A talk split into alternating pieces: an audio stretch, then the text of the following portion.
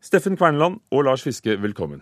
Tusen takk. Tusen takk. Dere er begge tegnere og har i mange år arbeidet med kunstnerbiografier som kommer i hefter eh, under tittelen Si det selv.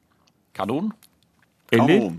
ikke kanon. Det er lov å si ka kanon ja. ja. men vi, liker det flertydige med det. Det kan bety dritings eller uh, flerstemt sang eller uh, ti på topp uh, av kunstnere eller hva som helst, liksom. På mange måter har dere jo laget en um, kanon over norske kunstnere med kanon. Eh, dere henter frem kunstnerbiografier. Hvem eh, har dere valgt i tillegg til de vanlige, som er Edvard Munch, Strindberg og Kurt Schwitters? Oh, vi har vært innom ganske mange etter hvert, men eh, Georg Grosch, en tysk ekspresjonist, er en av de siste. Jeg har vært innom Ludvig Karsten, men det er ikke fordi jeg syns han er en av verdens beste malere, men fordi jeg syns han er en av verdens morsomste figurer å tegne. Ja, det er viktig at de... biografien, det, det må, være, må være bra historier som ligger i livene deres eh, for at vi skal gidde å lage tegneserier. Det holder ikke så bare å lage gode bilder, men være en kjedelig fyr. Liksom. Det, da er det ikke et kanonføde. Og så er dikterne Wilhelm Krag og Obstfelle med, malere som Christian Skretsvik f.eks., Eilif Pettersen. De, de dukker opp i tur og orden. Men mer enn noensinne tidligere så er dere med. Hvorfor så selvutleverende? Det tror jeg var en del av prosjektet allerede fra starten av, at vi skulle selv være med og fortelle om hvorfor vi er de kunstnerne vi er, faktisk. Men så har det jo dukket opp mer og mer underveis. Og kanskje spesielt i fireren, og nå også i femmeren. Femmeren, ja. Det, det henger jo sammen. Det er en slags arv eh, etter oss sjøl, kan du si. Altså, som begynte i min selvbiografiske, eh, selvbiografiske bok 'Slyngel', 'Slyngen', som kom i 2002, for ti år siden. Og så ikke minst eh, Olaf G, som vi lagde sammen. Det var det første samarbeidsprosjektet. Om Olaf, med Olaf Gudbra- Gudbrandsen? Ja, og det brukte vi oss sjøl eh, veldig mye som, eh, som en slags eh, idioter på tur. Og mange kjenner deg, Steffen Kverneland, eh, fra disse seriene. Og, og du, Lars Fiske, dukker jo stadig opp i A-magasinet som eh, fast eh, Ja.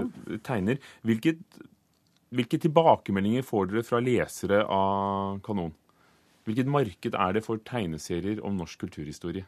Ja, det er to forskjellige eh, spørsmål. på en måte. Altså, Tilbakemeldingene er veldig positive, og de kommer fra Vi snakket om det fra veldig eh, forskjellige folk. altså Fra, fra eldre kulturinteresserte mennesker til, til unge tegneserieinteresserte folk, og, og veldig mye. Samtidig så er markedet eh, Jeg tror det er uforløst, men, men det er ikke så veldig stort altså, for oss eh, rent sånn tallmessig. Nei. Kvantitativt så, så er ikke det en eh, blockbuster. Vi har noen utrolig flotte lesere som er enormt eh, interessert i det vi gjør, og leser liksom hver eneste rute og studerer dette her inngående. Og hiver jo ikke denne boken etter de er ferdig med å lese den. Så det er jo en sånn Vi, vi får jo et drømmepublikum.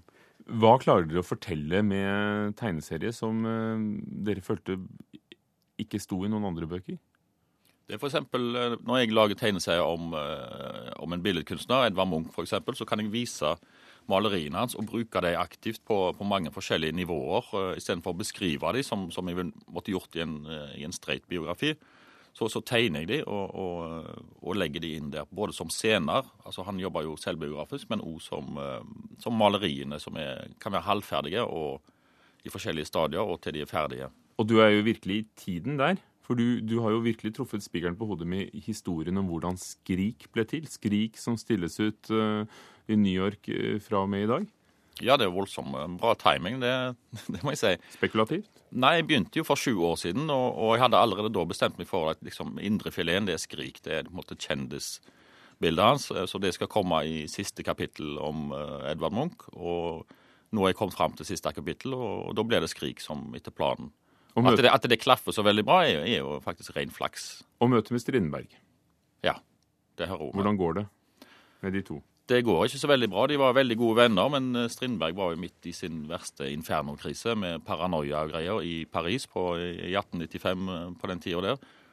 Og Munch eh, oppsøkte han og, og, og ville trengte litt trøst, for Munch var litt ute å kjøre sjøl. Og da satt, Munch, nei, satt Strindberg ute på gårdsplassen helt psykotisk og, og livredd, og, og, og var overbevist om at Munch kom for oss å ta livet av han.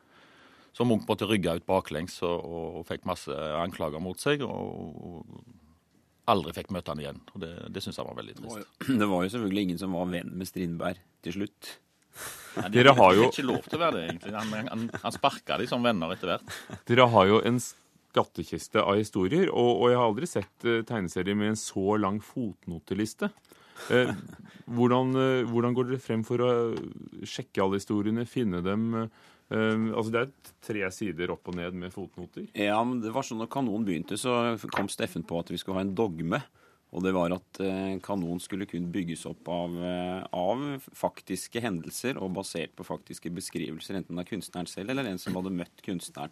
Ja, sitater. Sitater. Og, og de, de, sitatene vil vi da ha kildebelagt, altså sånn at mm. det kan etterprøves. nettopp for det Enkelte tror at altså, virkeligheten er jo veldig rik og har mye fantastisk uh, uforutsette ting som, som, er overraskende bra tegneseriestoff. Og... Men vi hører jo alltid at, at, forfattere som skriver historisk, sier at de må ta seg friheter. Tenk på Kon-Tiki-filmen. Ja, det, det, er sånne juksepaver. Ja. Vi driver ikke med, med sånne juks. Vi, vi, gjør det ordentlig, dette her. Det, det er ikke noe tull. Dere har veldig forskjellig stil, i veldig forskjellig penn. Eh, samarbeider dere godt? Sånn, kanskje sånn ytre sett, så altså, til slutt så ser det veldig ulikt ut. Men hvis man går lengt, lengt, langt tilbake og bare ser på streken Hvis man tenker seg streken, så er vi egentlig ganske like. Det er jo det at vi har de samme eh, favorittene. Ja. Steffen Kverneland, du skal til Praha. Lars Viske ble invitert, men, men, du får ikke dratt. Der eh, foregår en, en av Europas, kanskje verdens største eh, festivaler for tegneserier. Hva skjer? Er det fint?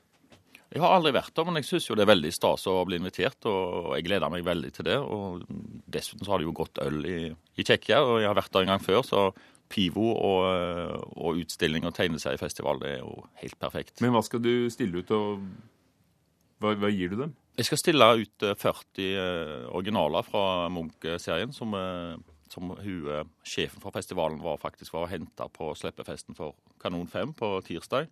Betyr det internasjonal karriere for Kanon? Det, det er iallfall en, en åpning. Ja. Jeg tror ikke det, at den i seg sjøl vil åpne alle sluser, men, men det, det, er jo en, er et, et, skritt på veien, tror jeg. Stor interesse for tingene våre på veldig prestisjetunge forlag rundt i verden nå, så vi er ganske fornøyd. Veldig fornøyd, ja. Lars Fiske, Steffen Kvernland, Kanon 5 er ute. Det blir en sekser? Ja, ja. ja, ja. Altså, det, må vi har, har bestemt. Dere får ikke si noe mer. Det holder vi til neste gang. Takk skal dere ha.